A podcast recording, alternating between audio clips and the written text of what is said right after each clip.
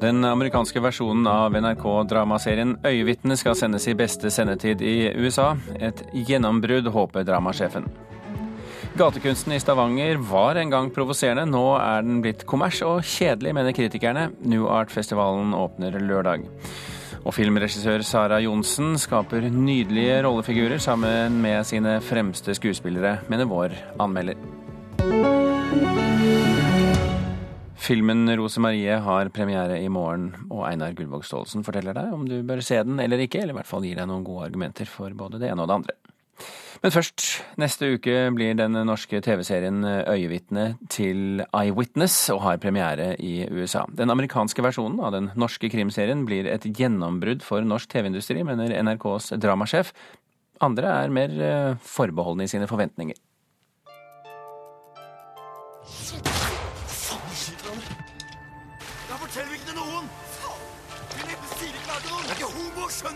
I november i fjor kom nyheten. Nå er dagen snart her. 16.10 får NRK-dramaserien Øyevitne sin amerikanske adopsjon Eyewitness premiere på NBC Universal ID USA Cable med ti episoder. Den norske hovedrolleinnehaveren Annike von der Lippe mottok internasjonal Emmy for hennes prestasjon i den norske seriens seks episoder. Ja, altså jeg vil si at det er en milepæl for norsk drama at vi er kommet inn på det markedet med, med et format. Det, det, er jo første gang det skjer. Det sier Ivar Køhn, som er dramasjef i NRK. Han mener at kvaliteten på serien er det som har gjort at alt dette har skjedd. Det er klart det, det gjør at vi synes uh, mye bedre. Vi er liksom nå i samme gate som både The Killing og The Bridge, som jo har kommet inn på markedet. No one's gonna know about this. Can't say anything to anyone. Got it? I won't say anything. Over dammen i Los Angeles sitter Adi Hassak, som er showrunner, eller hovedmanusforfatter, for Eyewitness. Han hevder at serien har blitt godt mottatt i USA, og har dessuten havnet på Entertainment Weekly sin liste over serier som må ses denne høsten, uten å ha blitt vist til journalister. Been extremely, um, been extremely well so far, you know, um, for what we've seen, you know, we're, we're extremely um, encouraged, and we were just listed uh, Entertainment Weekly um, just listed the top shows to watch in the fall, and we were so pleasantly surprised. You know, Eyewitness was um, on that list. Even though we haven't officially shown it to journalists yet. Noe av det viktigste er imidlertid at serien går i beste sendetid, eller primetime, på søndager klokken 22, som er samme tid som Game of Thrones, Mad Men og Sopranos har gått i USA. Sunday night 10 o'clock slot is the top slot. It's all the best shows, and the fact that they have put us on Sunday at 10 o'clock is a huge vote of confidence um, by the network, um, stating this is the best that we have. These are the, this, you know, the best shows going that slot. Hassa kaller det en tillitserklæring, men ansvarlig redaktør i film-, TV- og kinomagasinet Rushprint, Kjetil Lismoen, understreker at konkurransen om primetime er beinhard. Primetime i USA er uh, primetime i det største TV-markedet i verden. Det lages over 500 TV-serier i USA uh, i, løpet av et år. og uh, Primetime i USA er ikke lenger det det en gang var, hvor man greide å samle vesentlige deler av nasjonen på enkelte TV-serier. Nå er det veldig fragmentert. Det lages vanvittig mye bra TV-serier. Så det markedet har jo endret seg radikalt. Han er heller ikke like sikker som Køhn på at dette er en milepæl. Det kan hende at det er en milepæl for de det gjelder, altså de som har laget den amerikanske versjonen. Eh, men det er jo ingen av TV-seerne i USA som vil koble dette til den norske versjonen. Derfor er det jo heller ingen milepæl sånn sett for norsk eh, TV-dramatikk eh, og for norske serieskapere.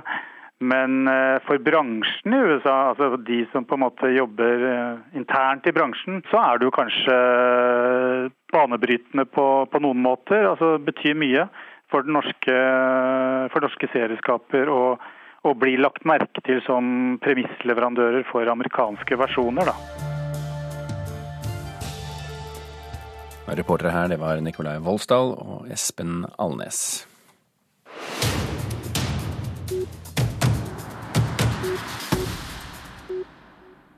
Norges største gatekunstfestival, New Art-festivalen, åpner lørdag for 16. gang i Stavanger. Men nå mener flere kritikere at kunstmiljøets omfavnelse av den rebelske gatekunsten har gjort den kommersiell og litt kjedelig.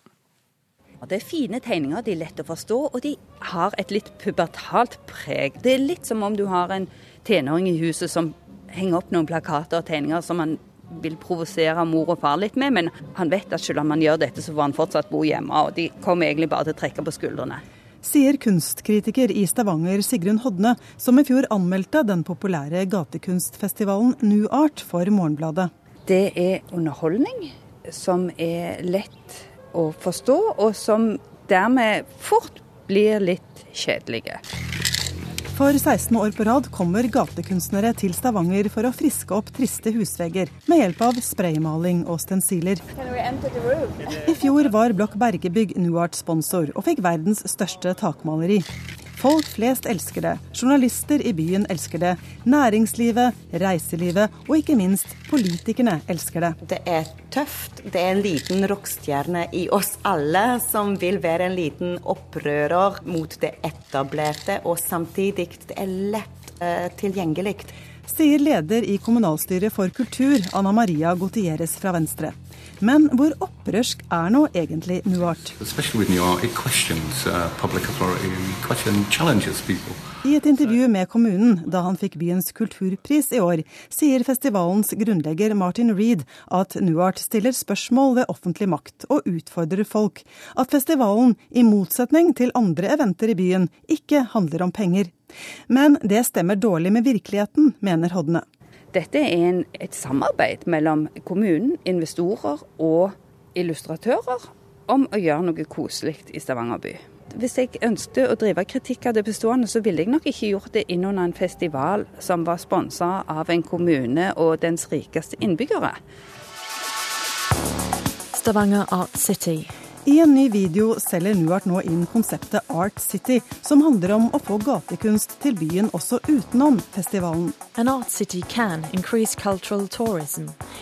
Slagordene en reporter leser opp her, vises som tekst i videoen. It's a city where culture meets commerce der dataanimert gatekunst popper opp rundt omkring i byen.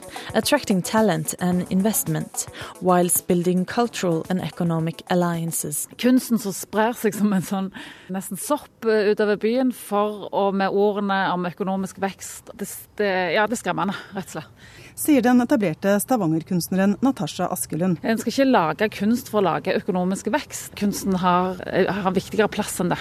Selv vil Newarts grunnlegger Martin Reed ikke gi noe intervju nå. Han skriver i en e-post at kunst har blitt brukt til å generere vekst og turisme i 500 år. Ideen om at kunst kun eksisterer på et slags idealistisk og rent sted for perfeksjon, er både feilaktig og utdatert, skriver Reed. Askelund på sin side vil aller helst utfordre politikerne i Stavanger. Det er den enorme plassen de har fått i denne byen som jeg syns er problematiske.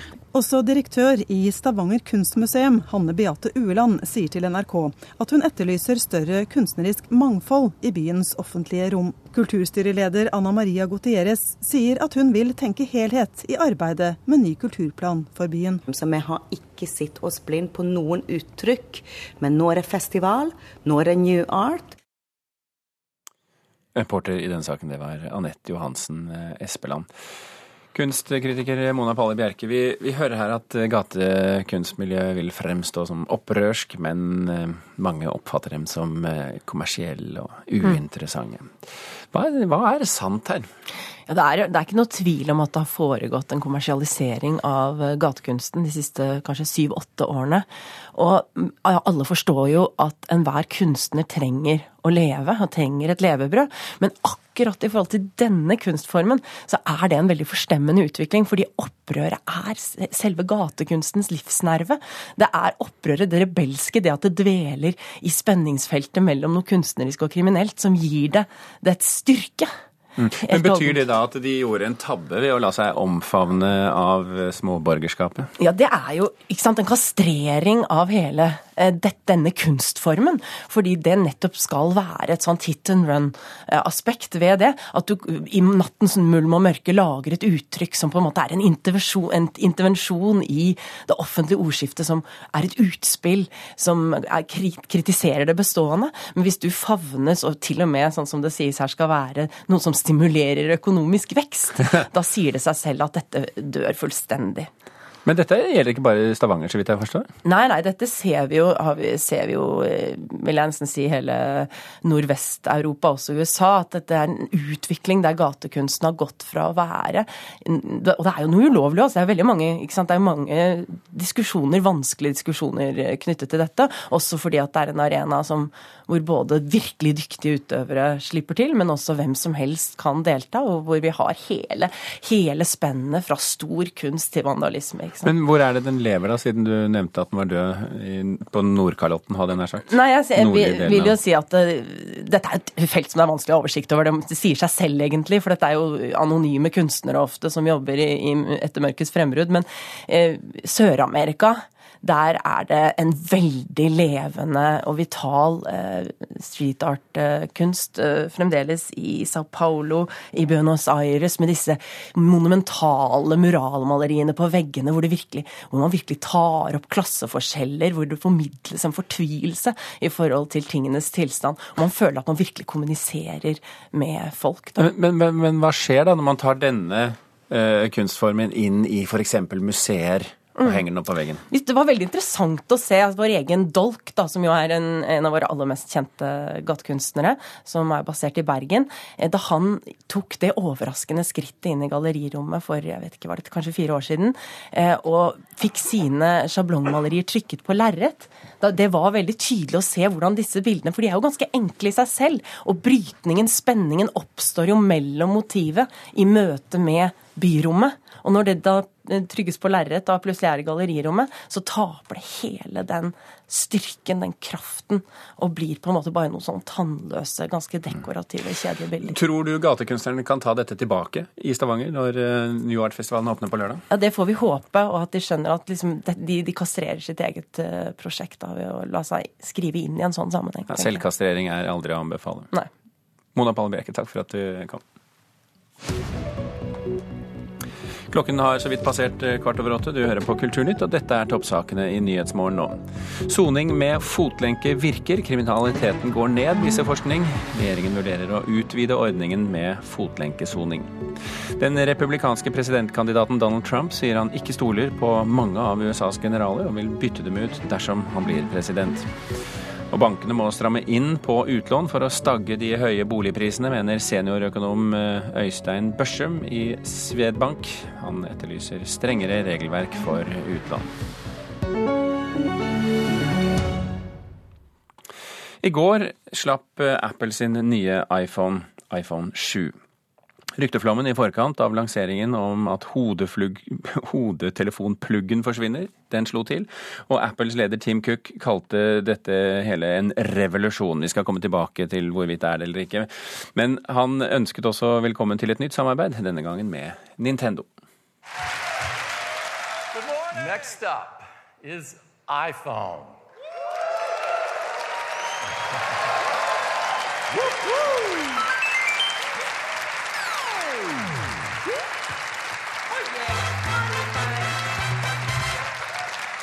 Welcome Mario, and please welcome from Nintendo the father of Mario, Shigeru Miyamoto.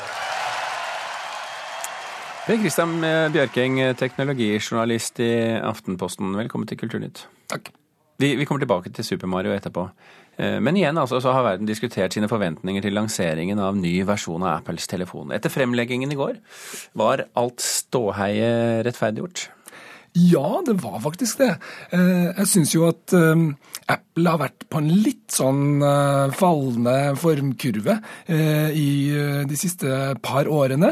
Litt sånn Vet ikke helt hvor de skal, men i går så var det igjen det der gode, gamle trøkket da, som gjør at du får litt følelsen av at ok, de prøver, å, de prøver å gå videre, de prøver å pushe ting, og de leverer noe som jeg tror mange er interessert i.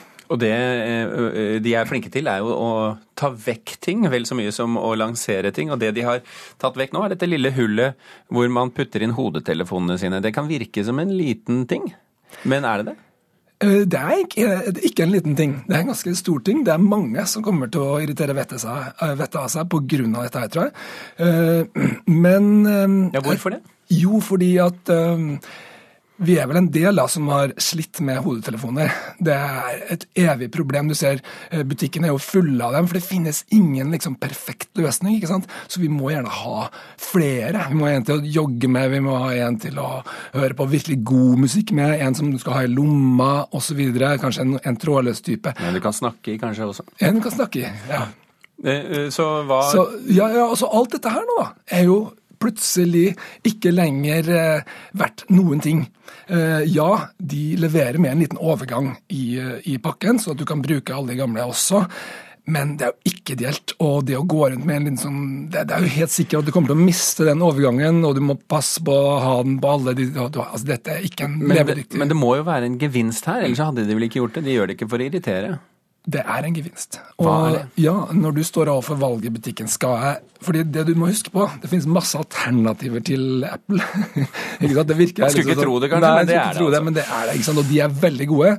Um, og ofte bedre. Ja, ofte bedre. Uh, på mange måter. Og sånn som Android har blitt de siste årene, da, konkurrenten fra Google, så er det mye bra å hente der. Og, for en som f.eks. er villig til å for ute etter valuta for pengene, så kan det faktisk være mye mer å hente der enn hos Apple, der ting er veldig dyrt, men også veldig bra. Og det de tilbyr her, det er litt mer batteritid. Én til to men, timer mer hver dag fra telefonen din. Men vi må tilbake til denne, det, og det har noe ja, å si for ja, Det, har, det, det er av hodetelefonutgangen, at den er vekk. ikke sant? 14% større batteri. Og Det betyr at du kan bruke den telefonen litt lenger hver dag. Ja, Men øh, øh, du får da altså, du må plugge hodetelefonen din i fremtiden, hvis du skal være Apple-bruker. må du plugge den inn i ladekabelen. Kan du, det, jeg ser for meg at det kan være et problem med når du skal lade og høre samtidig, f.eks.? Altså, Det som er Apples eh, svar på framtida, er jo at du skal ikke ha noe kabel i det hele tatt. Du skal ha eh, det som de kaller for AirPods, altså med i. Uh, som er da trådløse hodetelefoner, og som er den virkelige innovasjonen her i går. For dette er nemlig ingen andre som har klart før. Lage bitte små ørepropper, putte ett en i, i, hvert øre, og så bare virker det. Uh, ikke lenger denne ekle kabelen som bare blir kaos uh, uansett. Det er jo det som er innsalget her, og det som er det interessante. Riktignok så må du da ut med 18 1800 kroner for disse bitte små proppene. Eh, så det blir ikke billig, men det blir også veldig attraktivt. Mm. Vi eh, begynte med Nintendo. Eh, det at de samarbeider med Nintendo nå, viser det en ny vei for Apple? De har jo hatt samarbeid med, med, forskjellige aktører. Det viser vel egentlig først og fremst en ny vei for Nintendo. Og det er jo et kupp av Apple at de da kan lansere dette her. Og det blir sannsynligvis en eksklusiv for, eh, for Apple i, i, en periode. Uh, Mario er verdens beste spill. Uh, det har vært et stort mangel på uh, Mario-spill på mobile plattformer generelt. nå kommer altså verdens beste produsent til Apple, og det er jo klart, det er et kupp. Mange kommer til å kaste seg over dette her. Per Kristian Bjørking fra Aftenposten, takk for at du orienterte.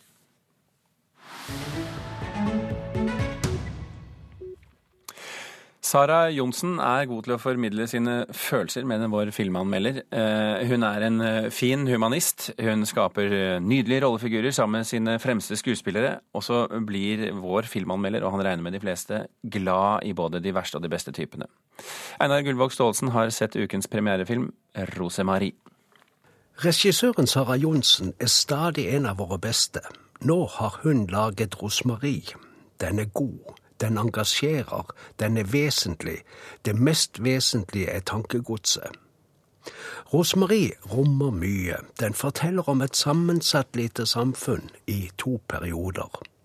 Hovedtema er foreldregenerasjonens viltre frigjøring. Jeg er min egen, sa de.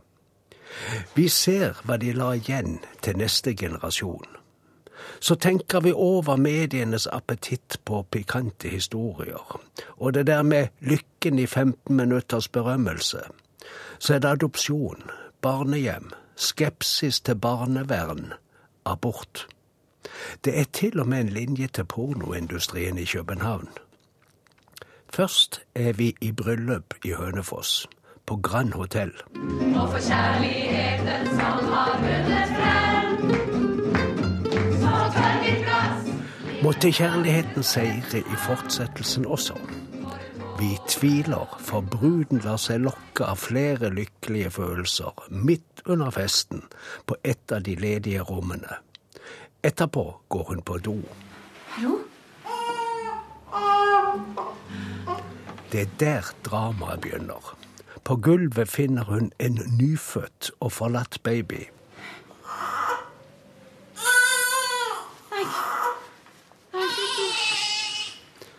Bruden, Unn Torve, er reporter i TV-stasjonen som lager programmet Kjærlig hilsen Hønefoss. Nå er hun førstehåndskilde til den største og mest pikante historien. 16 år senere blir hun oppsøkt av ei jente som leter etter sin mor. Den eneste hun vet hvem er fra sin fortid, er damen i TV-en som fant henne på dogulvet på hotellet, så hun prøver seg der. Det blir en TV-sak av det også. De drar først til hotellet der bryllupet sto, nå med kamera. Det her har ingenting på TV å gjøre. Jeg mener jo at dette her er noe som veldig mange vil kunne føle for, og, og syns sikkert er veldig interessant å, å se. Rosmarie utsettes for store belastninger og møter mennesker dypt i det sosiale landskapet. Kan det komme noe godt ut av slikt? Kanskje. Optimismen stiger. Forløpet er godt dramatisert. De mest sentrale skuespillerne, Ruby Dagnall og Tuva Novotny, er glimrende. Et par andre figurer er lett karikerte, det gjelder både sentrale og perifere personer. Regissøren har valgt dem slik. Det fungerer for noen. Jeg kunne tenkt meg å skrelle bort noen element og typer som er knyttet til dem. Hele filmen er en humanistisk balanseøvelse, og den holder balansen.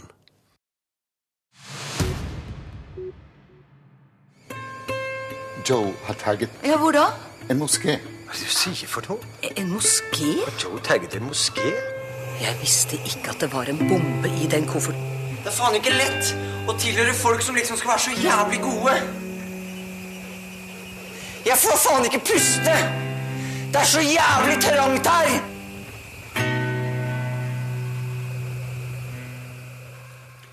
Radikalisering og ekstremisme er tema når det i morgen er premiere på stykket Vrede på Sentralteatret i Oslo. Ligger under Oslo Nye Teater. Alice eh, blir minnet på sin venstreekstreme fortid når sønnen Joe, som vi hørte her, blir tatt for å ha tagget hatytringer på en moské. Anders T. Andersen har eh, regien. Eh, velkommen til Kulturnytt, Andersen. Takk, takk. Vi plasserer ekstremismen her altså midt i en besteborgerlig familie. Hører den hjemme der? ja, altså den er jo, Stykket er jo interessant i så måte at de, de liksom tematiserer jo dette her med at man, man, man tror jo at Eller håper vel som foreldre at ens barn også skal liksom lande på samme politiske ståsted som en selv. Men i barn-foreldrerelasjon så er det mennesker involvert, så da vet man jo aldri hva som skjer. Ja, For det kan skje, og det kan skje det motsatte, som man må anta er tilfellet her? Ja, altså jeg syns egentlig det er et ganske sånn godt eksempel på hvordan sprenge seg gjennom åpne dører. Det er jo en vanskelig ting å bedrive, så da må du kanskje gå til en eller annen ytterlighet. Men dette er et stykke som foregår eh, hjemme? Ja. Eh, hos denne familien. Eh, mm. Mor har en fortid, har hun ikke? Jo, hun har en fortid med ha tilhørt en, en venstre-radikal bevegelse. Mm. Som, Men det er ikke bare det? Nei da. Hun har ikke bare tilhørt den? Nei, hun har ikke bare tilhørt den, hun har vært en del av den og vært med på Altså det venstre-radikale i Norge, AKP og sånn, hadde jo ingen Begikk jo ikke noe På tross av at de var hva skal man si, at de så vold som et nødvendig onde for å oppdra samfunnet og menneskeheten til noe høyere, så, så, så gikk det jo aldri dit hen. At, det var teoretisk i Norge. Jo, men, men, men, vi har jo masse eksempler på i Europa at det ble begått venstreradikal uh, terrorisme med Baader-Meinhof og Rotarmé og osv. osv. Uh, og hun, Alice har, har, vel noen sånne skjelett i skapet, ja. Mm. ja. For dette er et, så vidt jeg forstår, et australsk stykke? Ja, stemmer. Så, så den, den, har en sånn allmennhet ved seg. Men det som vi fanger opp i denne lille videosnutten som dere har laget på teatret, det er jo, det er jo plassen eh, til Joe. Han har ikke noe plass, han får ikke puste. Eh, Beveger vi oss inn i et sånn slags godhetstyranni innad i familien her? Ja, det, ja altså, det, altså Eller det man kaller, dessverre kaller kanskje politisk korrekthet, som jeg uh, har vel da kanskje, slik Joe sier, da, ikke noe rom for noe annet enn det. Um, er du varsom med å bruke begrepet politisk korrekthet her? Uh, ja, jeg er det, fordi jeg mener at det er et, et, et av de mest uh, farligste begrepene som har oppstått, egentlig. Jeg mener at man, det man omtaler som politisk korrekthet, burde heller omtales som sivilisasjonsfremmende eller noe sånt. Hvorfor det? Fordi at de tingene Altså, sivilisasjonen er tynt ferniss, ikke sant. Og det skal veldig lite til for liksom det antidemokratiske eller det brutale som dukker opp. og og veldig mye av politisk, det som kalles for politisk korrekthet, handler jo om humanisme, egentlig. Og øh, å ha, inneha demokratiske verdier osv. At partier som Frp osv. har greid å få det til å bli et skjellsord, er jo en bragd. Ja, Det er vel ikke bare Frp, må sies. Nei, men det er jo derfra det kommer. Det kommer jo fra Nei, men Det er jo et internasjonalt begrep. Du ser jo Trump holder jo på med det Jo, nettopp. Men det kommer jo fra de stripete. Hva mener du med de stripete? jeg var litt stygg nå, men uh, altså, de som Altså, jeg, jeg vil jo hevde da at, at, mange av disse Det som er yt, høyre på, på, bortenfor liksom partiet Høyre, hvis, og dess like i verden over, har jo, uten at de noensinne kommer til å forstå det selv, antidemokratiske krefter i seg. Du får et, mulighet til et veldig kort svar nå. Du har satt opp martyrer, nå setter du opp vrede. Er du veldig glad i ekstremisme? Nei, det er dessverre, og jeg gjentar, dessverre et aktuelt tema i vår tid. Anders Andersen, takk for at du kom til Kulturnytt. Vi runder av nå. Thomas Alvarstein Ove og Birger Kolsrud Aasund ga deg Kulturnytt i denne omgang.